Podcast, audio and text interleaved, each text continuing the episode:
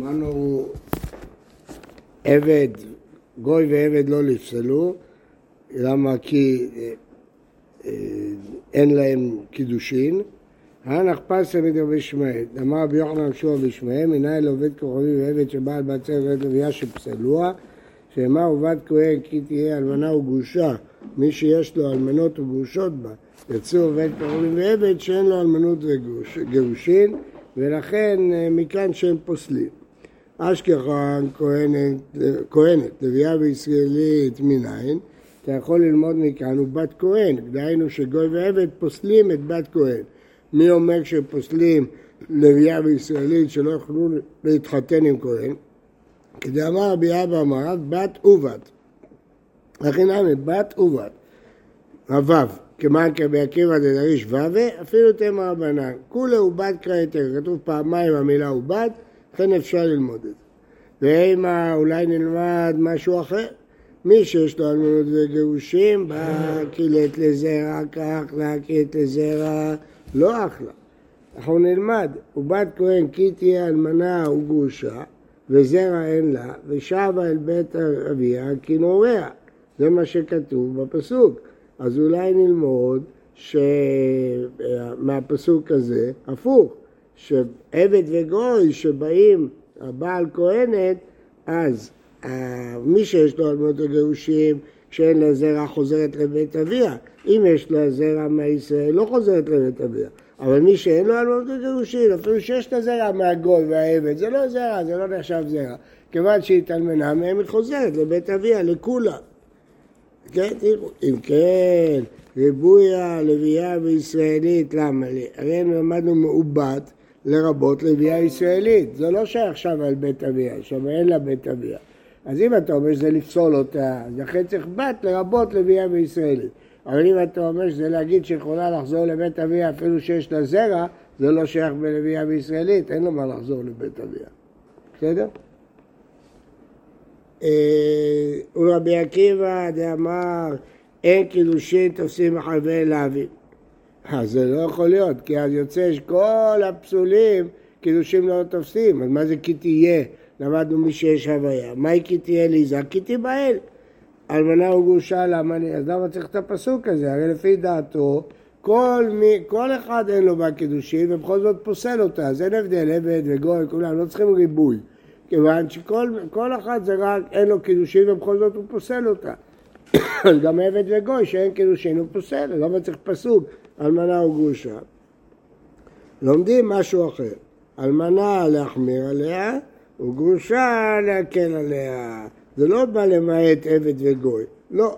זה בא להגיד, אה, אלמנה, הייתי חושב שאלמנת ישראל והיא בת כהן תאכל אפילו שיש לה זרע, כמה שעה לא, שאם יש לה זרע היא לא אוכלת. וגרושה, מה זה בא להגיד? בא להגיד שאם אין לה זרע, תאכל. הייתי חושב שכיוון שהיא גרושה ואסור לה להתחתן עם כהן, אז היא לא תאכל ברגע שהיא התגרשה, כמובן שהיא יכולה. אז לכן כתבו אלמנה וגרושה, לא קשור לעבד וגוי. קשור לדין רגיל. אלמנה באה להחמיר עליה שאם יש לה זרע לא תאכל, וגרושה להקל עליה שאם אין לה זרע תאכל, למרות שהיא התגרשה. כי לפי דעתו כל הפסולים שפוסלים אותם בכהונה אין קידושים תופסים בהם. הרי מה למדנו? תהיה מי שיש לו הוויה, יצאו עבד וגוי שאין לו הוויה, אבל הרי לפי דעתו כל הפסולים אין להם הוויה.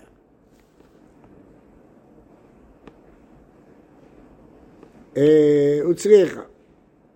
והיא אשר אלמנה, אלמנה עוד החילת לזרע החלב, שהוא חזה לכהונה והגרושה שאסור לה להתחתן עם כהן, זה לא חזה לכהונה, אב אגב דלת לזרע לא אכלה.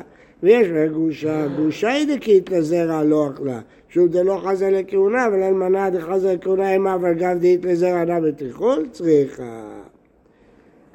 טוב, שואלת הגמרא, ואם נבעלה לפסול, האם אתה אומר שכל הפסולים זה אותו דבר, אב מחזיר גרושתו. נגיד, אם אדם שהחזיר את גרושתו אחרי שהיא נישאת לאחר, אסור. אחרי אשר הוא טמא, אסור לו להחזיר גרושתו אחרי שהיא נישאת לאחר. האם גם על הלאו הזה זה ביאה שפוסלת בתרומה? האם גם זה נקרא פוסל? לא. לאי זר המחמנה. תהיה לי זר, מי שזר אצלה מעיקרא, אפילו כהיידה לא זר אצלה מעיקרא, אז הוא לא פוסל, לא עושה חללה. יחי חלל שהוא בן של כהן שבא עם גרושה, לאו זר מעיקרא, לא לפסול. הוא לא, החלל עצמו הוא לא זר, חלל מותר בכהנת. אמר קרא לא יחלל זרעו בעמם, מקיא זרעו לו. מה הוא פוסל? אם כהן בא גרושה אז הוא פוסל, אף זרעו פוסל. אז גם החלל שבא על כהנת פוסל אותה מתרומה. למרות שהוא מותר בכהנת, אבל הוא פוסל אותה מתרומה. זה חידוש. למרות שזה לא ביאה פסולה, הוא פוסל אותה בתרומה. כן. ועם המשעת הוויה, מה פירוש? מה פירוש עם המשעת הוויה? מה? אומר רש"י, בדעה בכך מנה בראשון תהיה, משעת הוויה היא קידש פסל את האישה, לא הביאה, אלא משעה שהוא קידש אותה. כי תהיה ליזר, מאיפה כתוב כי תיבהל? כי תהיה ליזר. אז הוא אומר לו, למה לא? דומיה דכהן גדול באלמנה. כהן גדול כתוב ולא יחלל זרעו אחריו. מה כהן גדול באלמנה בביאה לחודה? אף אינמה בביאה לחודה. לא יחלל זרעו כשזרע, בביאה, לא בקידושין. לא תהיה. לא תהיה. כי תהיה. תהיה, תתחתן. כשהיא תתחתן. ורבי יוסי אומר, ואימר עד איכא הוויה וביה, גם זה וגם זה. נכון, למדת מכהן גדול ביה, תלמד מכי תהיה הוויה. לא, דומיה דכהן גדול. מה כהן גדול בביאה לחודה פוסל אותה? זרעו, אבה אינם בביאה לחודה פוסל אותה. טוב, אז מה לומדים מכי אה, תהיה? לומדים משהו אחר, את מה שאמרנו קודם. אה, אלמנה או גרושה, להחמיר עליה ולהקל עליה. אה, מה? נו. לא הבנתי. מה הדין אם הוא בא אליה בלי קידושין? הוא בא אליה בלי שהוא קידש אותה. הוא בא אליה בלי קידושין. כן. מה? מי אמר? אולי רק כהן גדול, אבל כל הפסולים לא. אה, רבי יוסי אומר, כל שזרעו פסול, פוסל, זה מה שלמדנו בדף הקודם. כל שאין זרעו פסול אינו פוסל. מה יקרא ותא רבי יוסי? מה הוא בא לחדש? אמר רבי יוחנן, מצרי שני, ואדומי שני יקרא ונא, לפי תנא קמא הוא פוסל. לפי רבי יוסי הוא לא פוסל, כי הבן שלו מותר בקהל. מצרי שלישי מותר בקהל. שניהם לא למדו, הכהן גדול מאלמנה. תנא קמא סבר, מה הכהן גדול מאלמנה שביעתו בעבירה הוא פוסל? אף אינם פוסל. רבי יוסי סבר ככהן גדול. מה הכהן גדול זרעו פסול הוא פוסל, אף כל שזרעו פסול הוא פוסל. הפוק המצרי שני דאין זרעו פסול. הכתיב בנים אשר יוולדו להם דור שלישי אמרו להם בקהל השם. רבש גמליאל זה הדעה השלישית, כל שאתה נושא ביתו, אתה נושא אלמנתו. מה מדובר פה? מה איכא ברבי יוסף גמליאל? אמרו לה גר עמוני ומואבי איכא בניו. הרי יש דין עמוני ולא עמונית, מואבי ולא מואבית. אז יוצא שאתה נושא את ביתו, בת של עמוני, מותר לשאת אותה. אז לכן הוא גם לא עושה חלל, אתה יכול לשאת את אלמנתו. שניהם נולמדו על כהן גדול מאלמנה. רבי יוסי סבר אמר כהן גדול אלמנה זרעו פסול פוסל, כל זרעו פסול פוסל.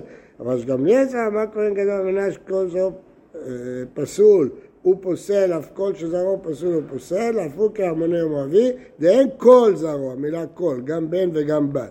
אין כל זרעו פסול. אמר מור המוני ולא המונית, מואבי ולא מואבית. אז רק מי שכל זרעו פוסל.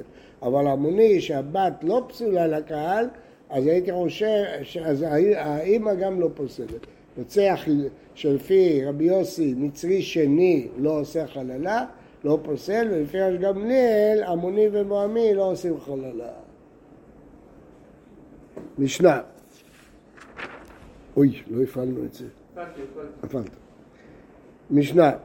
האונס והמפתה והשוטה לא פוסלים ולא מאכילים. אונס זה לא נחשב ביאה שפוסלת וזה לא נחשב ביאה שמאכילה בתרומה. אם כהן אנס בת ישראל, היא לא אוכלת בתרומה, או אם הוא פיתה אותה, היא לא אוכלת בתרומה, זה לא נקרא הוויה. שותה, אפילו שהוא קידש אותה, זה כלום, לא פוסל ולא מאכיל. ואם אינם ראויים לבוא בישראל, הרי אלו פוסלים, למדנו כבר את זה בדף הקודם. כיצד? ישראל שבא על בת כהן באונס או בפיתוי, תאכל בתרומה. למה? כי זה לא נחשב שהוא פוסל אותה. אבל עברה לא תאכל בתרומה, העובר פוסל. למדנו בנעוריה שרק כשפרט למעוברת, העובר שלה פוסל אותה. נחתך העובר במאה, תאכל. כהן שבא בת ישראל באונס או בפיתוי, לא תאכל בתרומה. בעל בת ישראל לא תאכל בתרומה, למה? כי זה לא מאכיל, אונס ומפתה לא מאכילים. עברה לא תאכל, אפילו שהוא עיבר אותה לא תאכל. למדנו שהעובר אינו מאכיל, למדנו שתי... מה? עובר לא מאכיל. כי הוא אונס או מפתה. זה מה שלמדנו במשנה, שאונס הפיתוי לא מאכיל. עברה לא תאכל, למה? כי עובר לא מאכיל, אמרנו שתי סברות.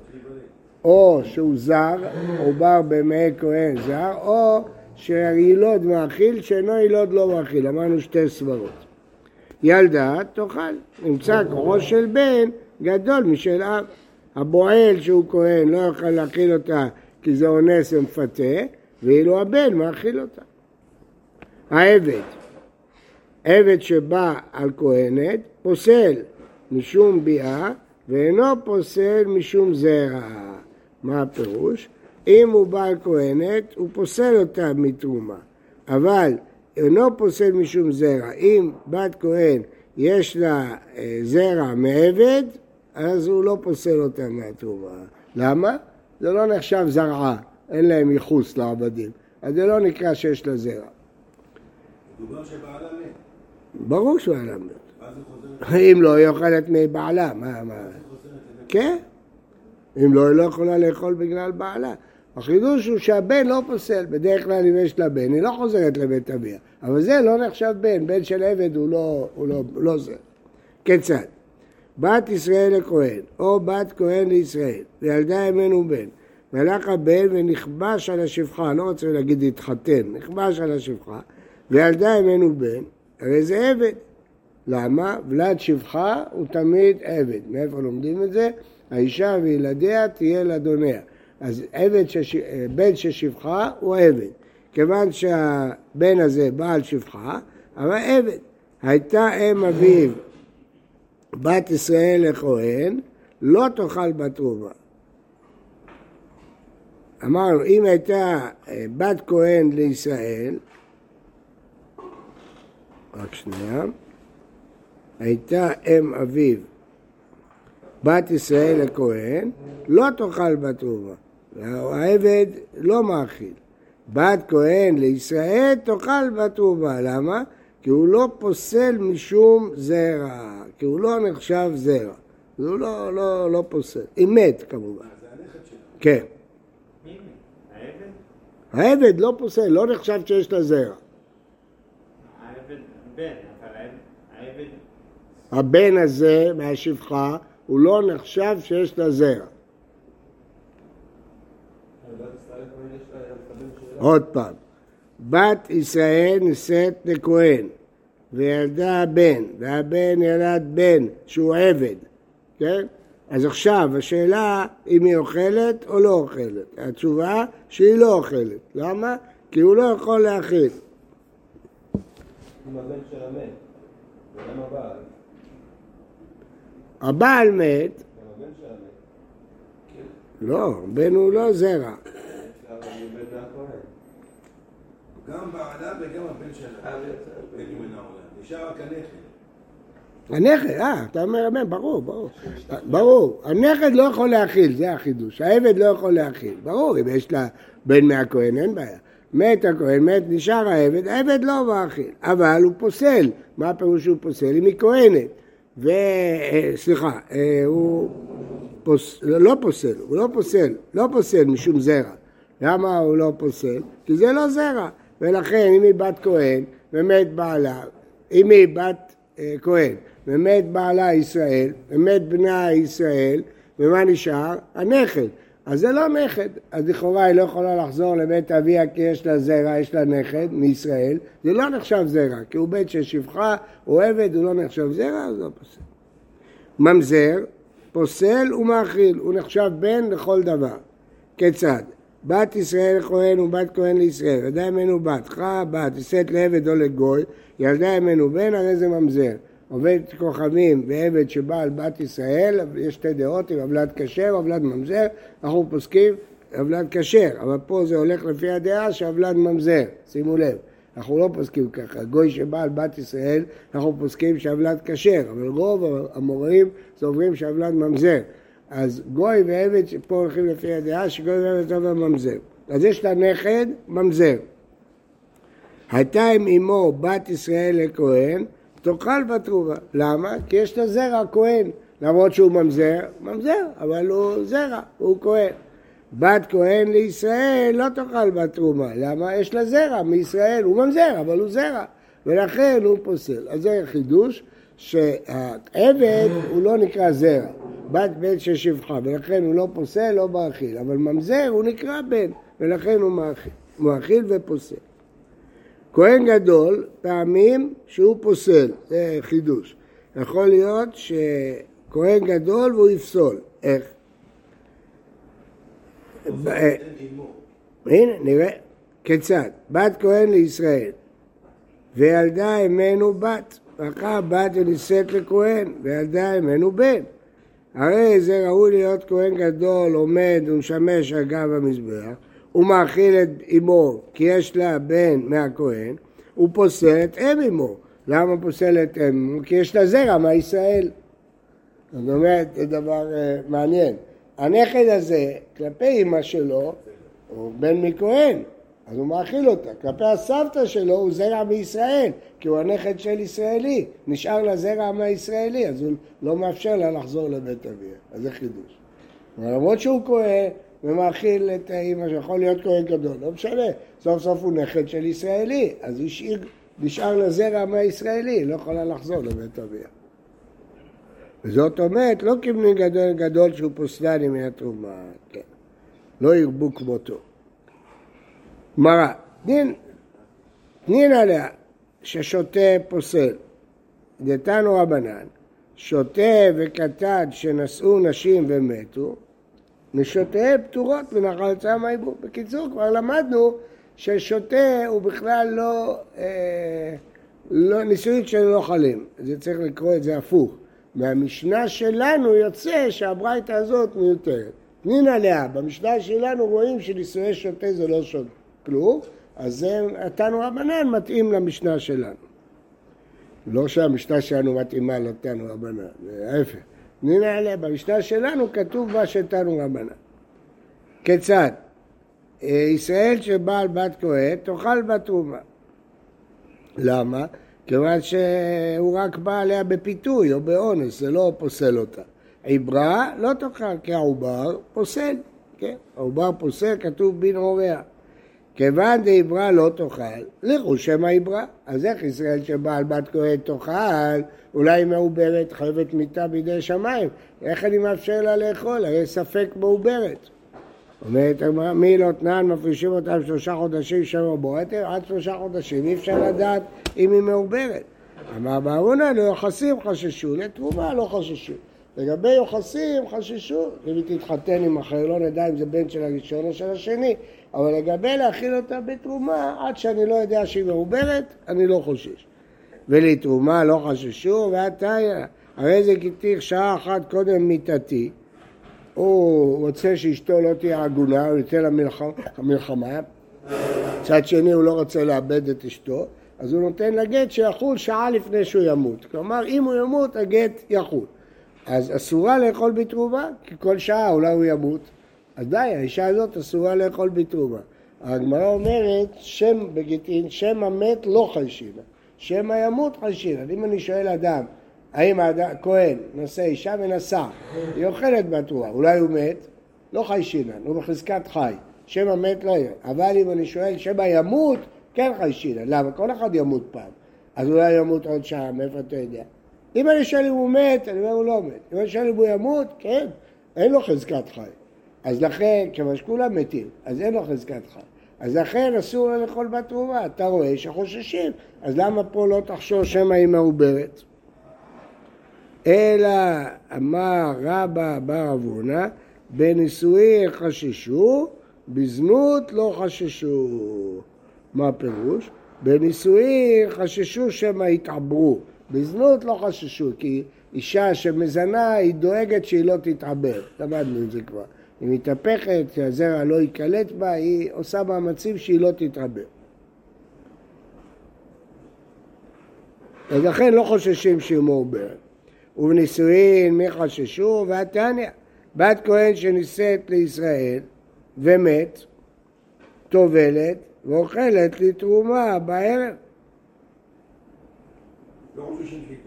בת ישראל, נישא, בת כהן, נישאת ומת, טובלת ואוכלת בתרומה על הערב, ולא חוששים שהיא מעוברת, זה לא זנות, פה זה לא זנות. אמרת שבזנות לא חוששים כי היא תדאג שהיא לא תתעבר. פה זה נישואים, זה לא זנות. אז אולי היא מעוברת, למה אתה לא חושש?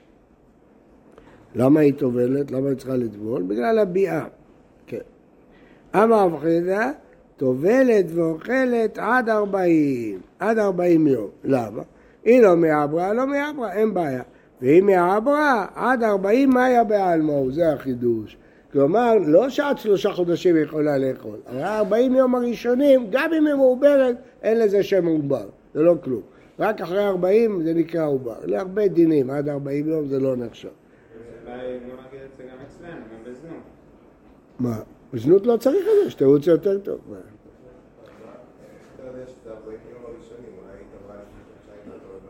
עכשיו היא ניסה, עכשיו. עכשיו היא ניסית. בזנות אמרנו שהיא לא מתעברת. אבל כתוב נישאה באותו יום.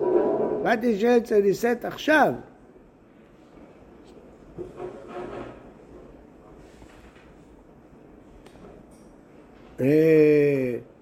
אמר לאביי, יחי אם הסיפא, הוכר וברא במאה, תהיה מקולקלת למפרע. אם יתברר בסוף שהוא מעובר, אז היא אכלה תרומה למפרע, לא, מה מקולקלת? עד ארבעים. ארבעים יום הראשונים זה לא אכפת לי. מה הפירוש מקולקלת? שהיא צריכה לשלם קרן וחומש. התברר שזו ישראלית שאכלה תרומה, נפסלה מלאכול בתרומה, התברר שהיא מעוברת מישראל, תשלם קרן וחומש. לא, עד ארבעים יום. ארבעים יום הראשונים זה לא כלום. איתמר, הבעל ארוסתו בבית חמיב. רב אמר, אבלד ממזר. למה? כי אם הוא בא עליה, אז היא כנראה פרוצה, אז אולי גם אנשים זרים באו עליה. ולכן אני פוחד שאולי זה ממזר, היא מקודשת. ושמואל אומר, אבלד שטוקי, אני לא תולה שום ממזר, אני אומר, אני לא יודע, זה ספק, לא יודע אם זה בארוס, לא יודע אם זה מישהו אחר, זה ספק. אמר רבא, בסתיו רביתא דרב דדיימא בעלמא. רק אם החשודה יודעים שמישהו מתעסק איתה כל הזמן, אז אני חושד. אבל לא דיימא בעלמא, בתא דידי שיידינן לה. אם אה, היא לא חשודה, אז למה להניח שמישהו אחר בא עליה? יש להניח שהרוסה בא עליה. אמר רבא מנא אמינא לה, דקטני במשנה ילדה תאכל. אם היא ילדה מכהן, תאכל. איך דמה? הנה מה דדיימא מעלמא, חשודה, ילדה מה היא תאכל, מי אומר שזה ממנו? אלא לאו, מיני דיימא ולא דיימא מעלמא. ומה הטעם דליה איסורא לא איסורא? בתרא דידשא דינן לאחא דהא איסורא היתר לו כל שכן. פה, שם היא אסורה, אז, אז גם כן אתה תולה את זה. פה ארוסה היא מותרת לו. ארוסה זה רק מדי רבנן שהיא אסורה לו, אבל מעיקר הדין היא מותרת לו. אז ודאי שנתלה את זה בו, ולא נתלה את זה במישהו אחר. לא הבנתי.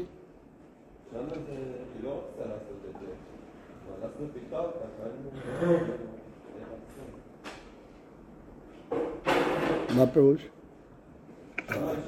אבל אם הוא הצליח לפתות אותה, אז גם מישהו אחר יצא לפתות אותה. אונס, הקושייה שלך נכונה, אבל זה מפתה לו. אה, אמר לאביי לא, לעולם הם עלה כל אחד דדי ממיני עבר דלא די מעל מאמר אבלן ממזר, מה איתה? דאמריה מדאב קרניו שגבי הרוס, אף קרניו של עלמא. ומתניתית שאתה מתיר לה לאכול, שהיו שניהם חבושים בבית האסורים, שאין מישהו אחר. איכא דאמרי, בבעליה כולם לא פליגי דבתרי דידי שדין עליה. והכי יתבע, ארוסה שעברה רב אמר ולד ממזר, שמואל אמר ולד שטוקי. אמר רבא מסתברא מילתא דרב, דלא דיימא מיניה ודיימא מעלמא. אבל דיימא מיניה, אבל גם דיימא מעלמא, בתרי דידי שדין עליה. כן, אז... איכא דאמרי, אם הוא בא עליה, אז אין, אין ספק. אבל מדובר שהוא בכלל לא יודעים שהוא בא עליה, פתאום רואים אותה בהיריון. אז עכשיו השאלה אם תולים בו או לא תולים בו. במקרה הראשון ידענו שהוא בא עליה, אז ודאי שנתלה בו. אבל כשלא יודעים אם הוא בא עליה, הם רואים אותה בהיריון, אז... טוב, ברוך השם שהיום הבעיה הזאת נפתרה בקלות כשהצמידו את האירוסין לנישואין. אבל כשהיה פער של שנה בין האירוסין לנישואין, היו המון בעיות כאלה. כן. ברגע שהצמידו את האירוסין לנישואין, אז פתרו את כל הבעיה. בוקר טוב ובריא לכולם.